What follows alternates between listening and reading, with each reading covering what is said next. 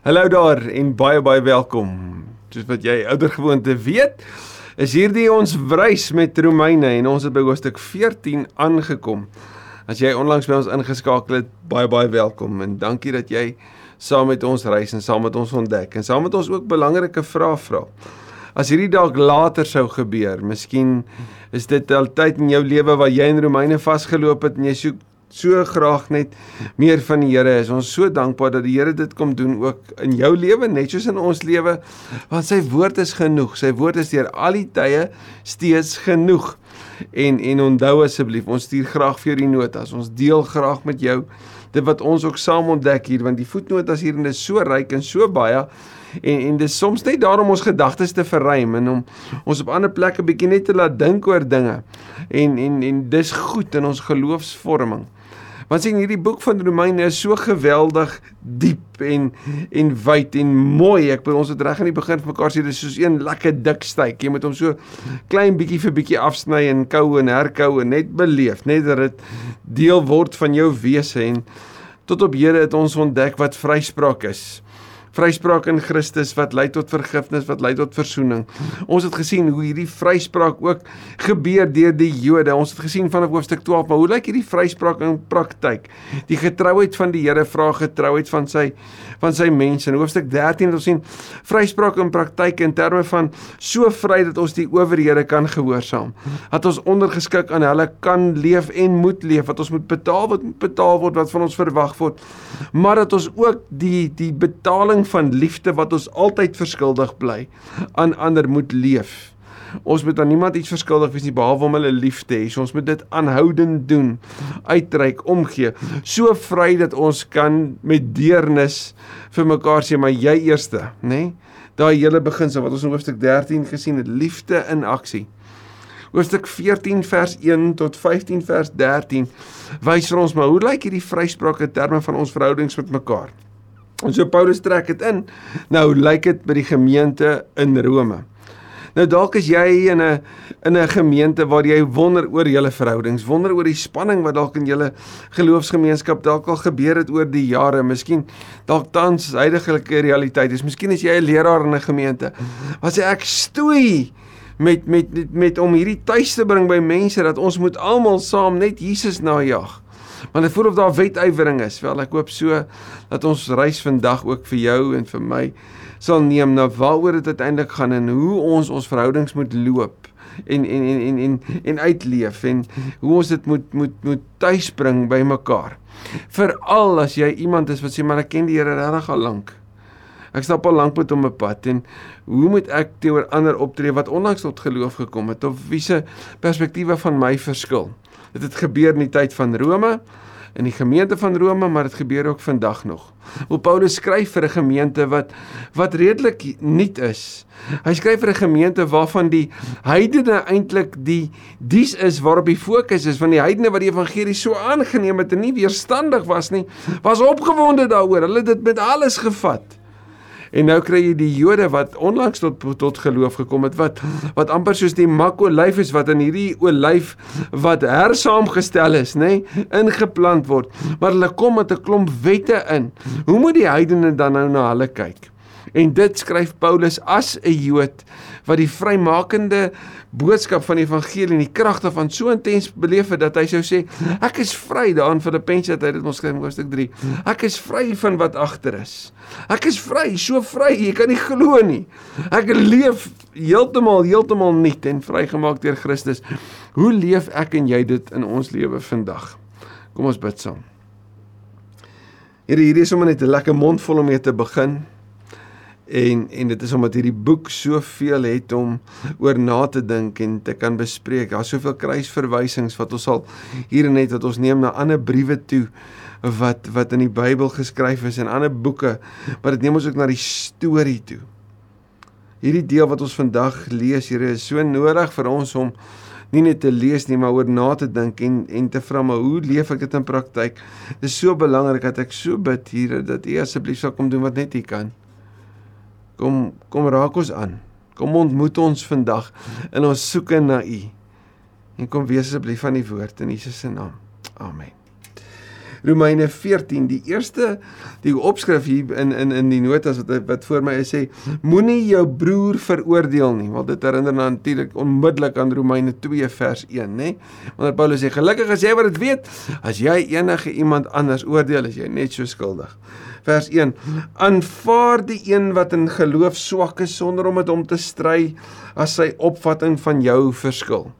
Die woord aanvaar in die in die Grieks is die woord wat ons ook vir gasvryheid gebruik. So dit dit wat Paulus sê is nie net van luister na nie, maar hy sê neem daai persoon in.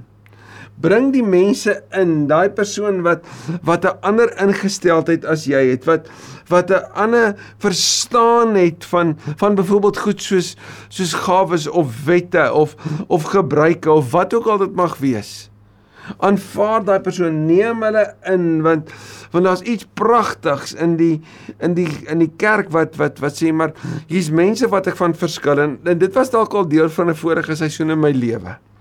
En ek het al by dit verbygekom. Ek het al daar verbygegroei. Maar ek gaan hulle nie uithou nie. Ek gaan sê kom in. Aanvaar hulle, bring hulle in sonder om met hom te stry as sy opvattinge van joune verskil as sy mening, sy verstaan, sy opinie is eintlik letterlik wat jy hiervan sou kon ver, weet hoe jy dit sou kon vertaal. As sy opinie van jou verskil, bring hulle in sonder om 'n heeltyd te gestryer aan die gang te sit. Nou sê Paulus en nou beskryf hy hoe hoe lyk die verskil tussen iemand wat wat sterk is in die geloof en iemand wat swakker is in die geloof en jy gaan die heeltyd sien dit is gekoppel aan hierdie woord vryspraak. Een glo 'n mens mag alles eet, so hy so vry. 'n ander is swak in die geloof en hy eet net groente. Nou hierdie verduideliking kan jy sien in in Handelinge 10 wanneer dit met einste Petrus gebeur. Onthou jy toe hy daai visioen gehad het en die Here sê: "Oor die slag en eet." Alhoewel dis middagete tyd. Petrus is honger. Hy's besig om te bid en nou hy hierdie visioen en wat sê die Here vir hom? Kom slag en eet en dan sê hy: "Nee nee nee nee nee, sorry, daar's sekere van daai diere wat onrein is. Ek sal glad nie aan hulle raak." Onthou ek sê: "Jood, ek gaan my mond nie daarin sit nie." En dan sê die Here vir hom deur middel van 'n visioen wat die Here rein verklaar het, mag geen mens onrein maak nie. Daardeur God alles rein verklaar. Hier kom sê Paulus Mense wat vry is, besef kos is vir die liggaam, nie die liggaam vir kos nie. Kos is vir die liggaam, so geniet, eet, proe, beleef. Maar daar sommige wat sê ek sal nie my mond aan hierdie of daardie sit nie. Aanvaar hulle want sommige in die geloof sê jy hulle eet net groente. So vir die van ons wat dalk in daai daai veld is wat sê oor die maar ek het 'n goeie argument vir hoekom ek dit glo wel jy word aanvaar. Jy word liefgehê. Ek 'n man uit Afrika. As ek groente wil eet, dan staan hoender, nê? Nee, dis mos maar ons grappie altyd. Vers 3. Die een wat alles eet, moet die ander wat net groente eet nie verag nie. Jy moet hulle met gasvryheid hanteer. Jy moenie neerkyk op hulle nie. Die woord verag is 'n baie sterk woord in die Grieks wat dui op verafskie, op regtig neersien op ander. En die een wat net groente eet, moet die ander wat alles eet nie veroordeel nie, want God het hom aangeneem. So as jy sê ek het 'n bepaalde asketiese leefstyl, ek onthou my of of weerhou my van sekere dinge, dan maak dit nie van jou iemand wat meer toegewy is as 'n ander persoon nie. Dit maak jou nie beter as nie. As daar iemand anders wat sê ek is vry, ek kan alles eet en jy sê nee, ek sal nie my mond aan dit of dat sit nie, wel dit is jou keuse. Moenie veroordeel nie en moenie verag nie. Waardeer mekaar en erken mekaar se opvattinge wat van jou verskil. Maar moenie afkyk op mense nie. Onthou jy Romeine 8 het gesê dat dat God sy men, sy kinders as hulle as, as sy eie aanneem, daarom kan hulle hom Abba noem. Sluit jou aan by Johannes 1:12. Wie is jy om oor iemand anders se bediende te oordeel? Sjoe, dit klink soos iemand wat so bietjie oor die muur kyk en sê: "O, hoekom laat jy toe dat daai persoon sis of so maak? Of hoekom maak jou werknemer sis of so?" Wat sê Paulus? Los die werkgewer en die werknemer uit. Fokus op wat jy moet doen. Hoekom moet jy so die hele tyd rondkyk en opinie sê oor alles en almal? Los dit uit. Sy eie werkgewer sal oordeel of hy goed doen of nie. En kyk mooi wat sê Paulus, maar hy sal goed doen. Daarvoor sal die Here sorg. Gaan kyk 'n bietjie mooi Wat skryf Paulus oor die verhoudings tussen eienaar en slawe? Tussen slawe wat in 'n bepaalde werksituasie sit en dan tot bekering kom. Dit staan daar in 1 Korintiërs 7, maar gaan lees ook Efesiërs 6. En gaan sien ook wat Petrus sê dan 1 Petrus 2 oor om ondergeskik te wees. Wat sê Paulus in wese? Los die ander uit. En weet jy wat? Daai persoon langsaan wat jy dalk op neerkyk nou, is self besig om toegewy aan die Here te leef en is self besig om sy werknemer te lei om om vir die Here te werk en en die werk wat hy doen te doen asof vir die Here. En dan staan daar daarvoor sal die Here sorg. Dit herinner my aan aan Filippense 1 vers 6 wanneer Paulus sê ek is veral daarvan oortuig dat God wat die goeie in julle begin dit en dit sal volvoer tot op die dag wanneer Christus Jesus kom. Wat is die punt? Ek vertrou dat die Here aan die werk is. So kan ek asseblief ophou om so 'n opinie oor almal te hê want die God is aan die werk. Dis nie my plek om dit te te sê vir hulle of of met hulle daaroor te praat nie vir die een is een dag belangriker as die ander. Ooh, nou raak ons bietjie sensitief hierso. Nee. En jy kan dink vir Paulus as 'n Jood, hy weet van daai een dag, daai Sabbat. Vir die een is die een dag belangrik as die ander dag en vir die ander is alle dae ewe belangrik. En dan sê Paulus, elkeen moet net in sy eie gemoed oortuig wees van sy opvatting. As jy meer oor die Sabbat wil lees en jy wil meer verstaan oor hoe hierdie en ja, dit is deel van die lys van 10 gebooie. Maar maar dit word ook geïnterpreteer daarvanuit daai lys van 10 gebooie as dit is die een wet wat meer gebind word aan die seremoniele deel van van Israel se wandel. Want sien in Handelinge 15 onthou jy wanneer die die besluit van die vergadering daar in Jerusalem eh, die die die besluit gestuur word na die na die heidene toe, die heidense gelowiges toe, dan staan daar ons wil net die volgende van julle vra, niks niks anders nie en dan sluit dit die Sabbat in. Hulle sê al wat ons van julle wil hê is julle moet heilig leef. Nie vleis eet wat aan afgode geoffer word nie, ook nie bloed nie en julle moenie seksueel losbandig wees nie. Dis dit. Niks van Sabbat nie. Niks van die seremoniele wette nie. Niks van die tempel of enige van die dele wat wat so deel was van die ou storie van van Israel nie, van die Jode nie. Niks daarvan nie. Dis al wat jy moet doen. Glo natuurlik in die evangelie en leef so. Paulus beskou homself so vry dat wanneer hy in Galasiërs skryf, skryf hy in hoofstuk 4 vers 10, daai is dinge van die verlede. Verder skryf hy oor die Sabbat en gaan lees gerus Kolossense 2 vers 16 en 17. So die die Sabbat as rustig of die beginsel van rus is goed. Maar wanneer dit hierdie wet word wat sê jy mag nie so ver beweeg nie, jy mag nie 'n stofie aansit nie, jy mag nie 'n lig aansit of jy mag nie so ver verstaan hierdie werk doen of daai nie doen nie, dan mis jy heeltemal die punt want die die Sabbat is vir die mens gemaak, nie die mens vir die Sabbat nie. So die beginsel van rus is 'n gegewe. Maar wanneer dit hierdie wet word wat jou inperk, sal Paulus eenvoudig dit sê doen wat jy in jou gemoed van oortuig is en leef dit. Dis die toets. As dit jou opvatting is, dan moet jy daarbey hou en dit leef, maar moenie ander veroordeel en moenie oor ander mense opmerkings maak as dit verskil van jou gebruik nie. Die een wat 'n bepaalde dag op 'n besondere wyse hou, doen dit tot eer van die Here. Die een wat alles eet, doen dit tot eer van die Here want hy dank God. En die een wat nie alles eet nie, doen dit tot eer van die Here. Ook hy dank God. Wat sê wat sê Paulus hierdeur?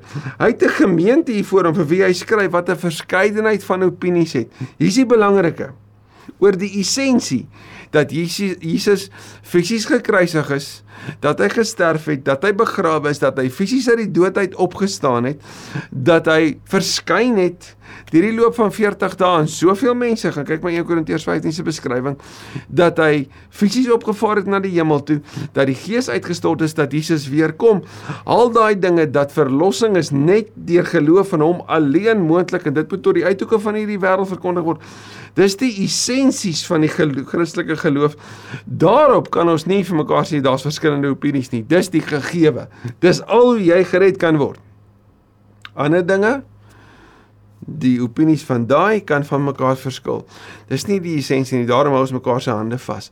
Daarom respekteer ons mekaar. Waardeer ons mekaar en kyk ons nie neer op mekaar nie. Dis waaroor hierdie gaan. Niemand van ons leef tog vir homself nie en niemand sterf vir homself nie. As jy die ingesteldheid van liefde waarvan Paulus praat, so vry dat ons in goeie verhoudings kan werk soos wat ons in hoofstuk 13 gesien het. As ons lewe, leef ons tot eer van die Here en as jy ooit die begrafnisformulier gehoor het, dan sou jy hierdie al gehoor het. As ons leef, leef ons tot eer van die Here en as ons sterwe, sterf ons tot eer van die Here. Die essensie van die lewe is dit moet vir jou altyd altyd altyd bo alles gaan oor die eer van die Here. Of ons dan lewe en of ons dan sterwe, ons behoort aan die Here. Dis die essensie en weet jy wat's mooi? Dit maak die lewe eenvoudig. Leef vir die Here, leef tot sy eer en moenie so stres oor alles wat hier om jou gaan waarvan jy verskil nie. Dit help my maar dit konfronteer my ook met met die die ouetjie hier binne my wat ook maar daarvan hou om wanneer iemand anders iets doen wat ek nie sou doen nie of wat ek regtig dink verkeerd is om dalk so 'n bietjie te wil sê, "Mmm, dis mos nie reg nie. Wat jy doen is mos nie reg nie." Verstaan? Daar's hierdie hierdie innerlike regter in my wat opspring en ek weet dit gebeur met jou ook. En en hier sien mooi, Paulus sê sê vir daai een bly stil, jy's nie die regte in die God is. Bly stil. Jy doen doen jy net wat reg is voor die Here. Leef jy net jou oortuiging. Hou jou by wat jy moet doen. Dan word die lewe baie eenvoudiger. Hiervoor het Christus ook gesterf en weer lewend geword. Ons in Romeine 6 dit gesien. Om die Here te wees van die dooies en die lewendes, van hulle wat al al gesterf het en en opgestaan het en van hulle wat wat lewe wat hier op aarde lewe. So hulle wat al deel in die ewige heerlikheid omdat hulle in sy doop dood gedoop is en dan saam met hom deel in die nuwe lewe. En van ons hier, nê? Nee, ons ons leef tot eer van die Here. Ons stap agter hom aan. Jy Waarom veroordeel jy jou broer? Dis asof hy Romeine 2 vers 1 net weer hier na vore bring. En jy, waarom verag jy jou broer? Die woord verag in die Grieks, in die Engels vertaal dit as despise. Waarom kyk jy met soveel minagting neer, nê? Nee?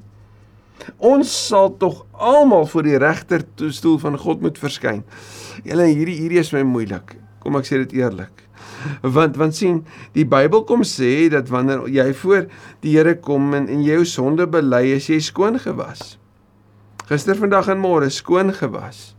So as my sonde dan skoon gewas is, Is dit dan so dat wanneer ek voor die regterstoel van God verskyn, dan word dit weer opgebring? Is dit so? Sommige sou reken dat die aanklaer dan met die aanklagstaat kom van al my verledes en Jesus dan kom en sê, "Wel, ek het vir dit alles betaal, skoon gewas." Is dit so dat dat die Here dat ons sonde so ver as wat oos van wes af verwyder is, dit kom nooit weer terug nie.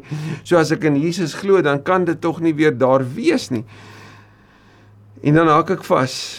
Want Openbaring praat van die tweede opstanding, ag van die opstanding dat ons saam met Christus sal wees en saam in die tweede dood, hulle wat voor God se oordeelstoel verskyn. So daar is nie volgens Openbaring hierdie oordeel vir die gelowiges nie. Hulle is saam by die Here. En dan raak ek verward as ek hierdie bymekaar trek en sê, maar wat probeer Paulus dan nou hier sê?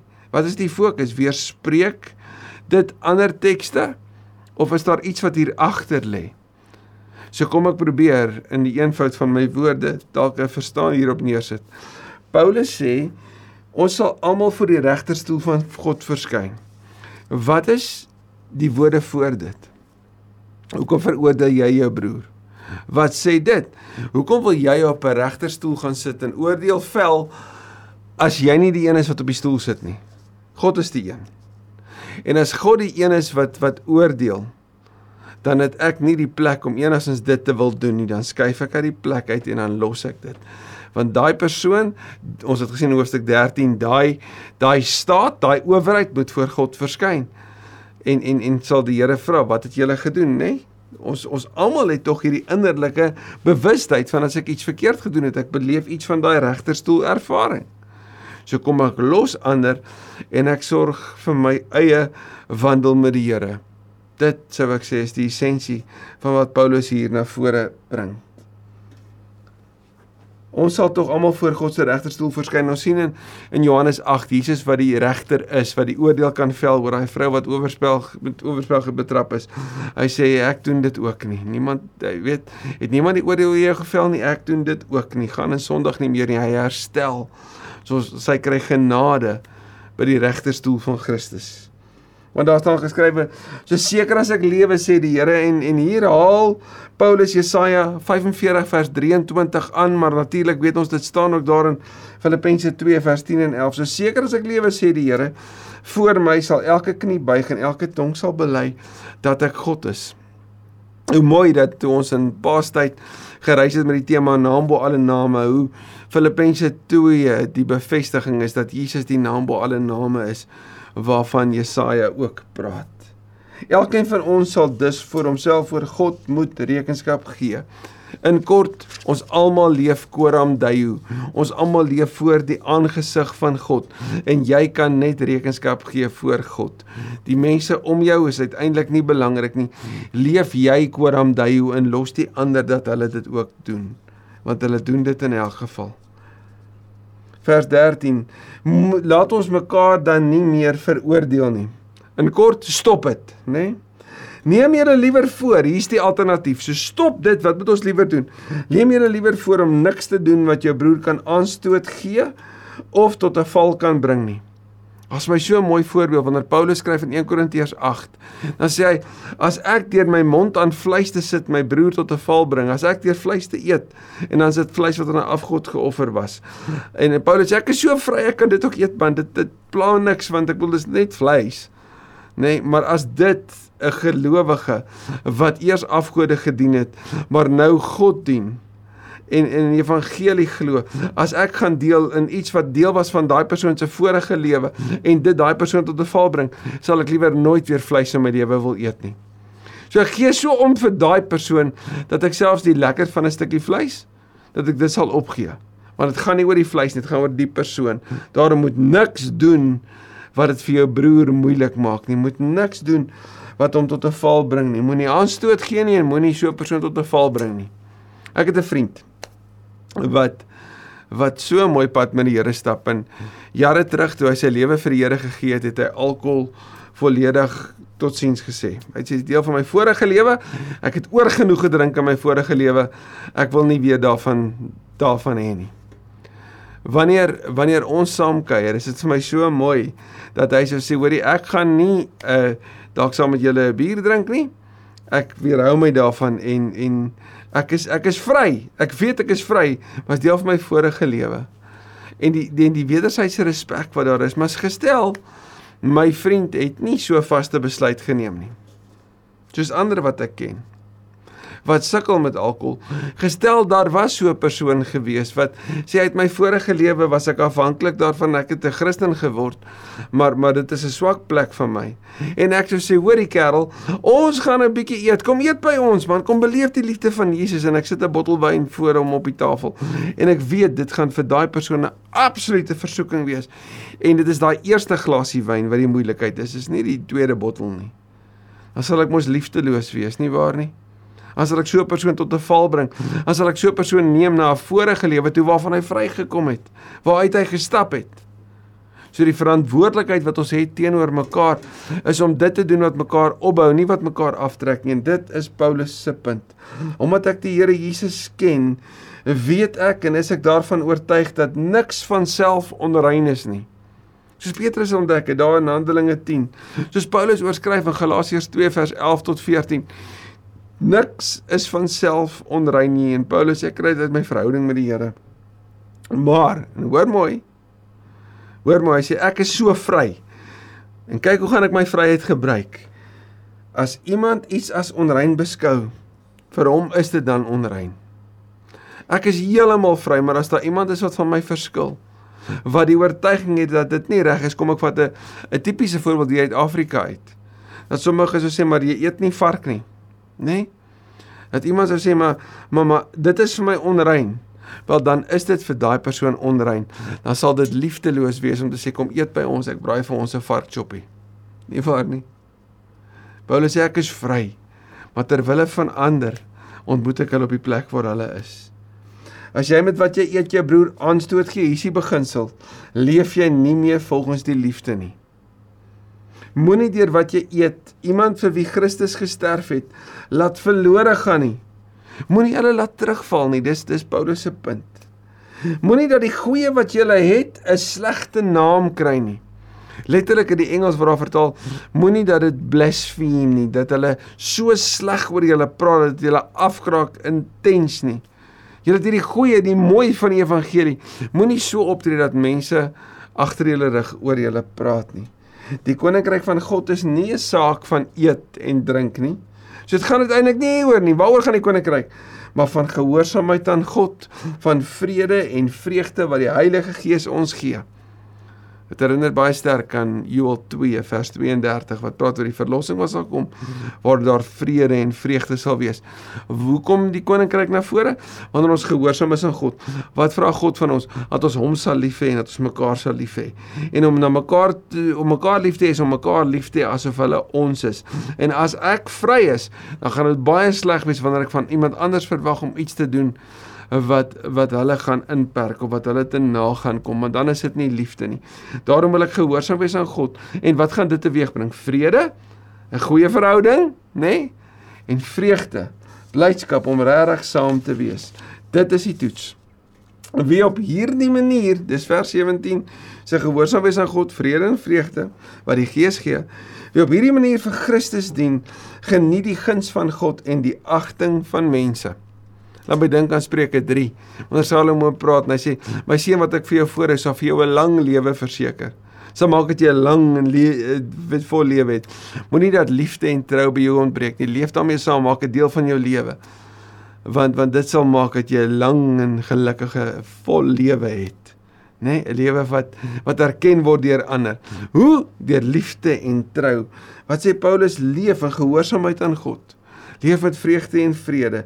En dan geniet jy die guns van God en die agting van mense omdat jy daarbey hou omdat jy na buite gerig na ander gerig toe lewe omdat jy hulle respekteer. Laat ons ons dan beywer vir die dinge wat die onderlinge vrede en opbou bevorder. Efesiërs 4 sê Paulus, as ons mekaar so opbou, dan word ons hierdie liggaam wat volmaak is soos Christus wat nie heen en weer gegooi word deur elke elke gier en elke neiging nie. Kolossense 2, 2 Korintiërs 13 praat alles van hierdie ons moet mekaar opbou en ons moet ons beywer vir dit wat die vrede bewerk en wat opbou bevorder. Moenie oor kos afbreek doen aan die werk van God nie. Nou kan jy jouself indink hoe onsin dit eintlik is om te dink of hoe nonsies dit is om om kos in te bring as 'n rede om te stry en te beklei. Hoe dit verhoudings versteur. Né? Nee? Fokus op dit wat vrede bevorder. Alle kos is rein. Hier is die stelling, hier is die waarheid. So jy kan ontspan. Maar as jy daarvan verskil sê Paulus, dis verkeerd om deur wat jy eet aanstoot te gee. Al is jy by 'n plek van alle kos is rein, is dit verkeerd om dit te doen wat vir ander mense sleg is. Om aanstoot te gee daarvoor. 1 Korintiërs 6 vers 12 sê Paulus alles is geoorloof. Hy sê ja, maar nie alles is heilsaam nie. Jy kan so vol vryheid wees, maar maar ander kan dit as verkeerd ervaar. Dit is goed as 'n mens nie vleis eet of wyn drink of enigiets doen wat jou broer laat struikel nie. Dit herinner aan Daniël 1 vers 3 tot 16. Daai onthouding wat hulle gesê ons eet net groente vir 'n sekere tyd en ons wy ons aan gebed en aan die Here. Hy sê dit is goed. Dit is goed as jy dit doen. Maar moenie aanstoot gee nie. Moenie jou broer laat struikel nie. Vergelyk hoe Paulus hierdie ook leef in 1 Korintiërs 9 vers 22. Hierdie is belangrik. Hy sê dis goed. Maar wis nog beter om nie iets te doen wat jou broer laat struikel nie. Laat jou oortuiging hiervoor nie sit eintlik Paulus se ontknoping hiervan van hoe vryheid toegepas word. Laat jou oortuiging hieroor 'n saak tussen jou en God wees. Dis die belangrikste. Dit gaan oor jou en die Here. Gelukkig is die man wat hom nie hoef te verwyd oor wat hy hom veroorloof het nie. Iemand wat gesê het ek sal dit nooit doen nie of dis hoe ek leef en dan leef hy agteraf glad nie so nie. As iemand egter twyfel en tog eet, is hy klaar veroordeel omdat hy dit nie uit geloofs-oortuiging doen nie.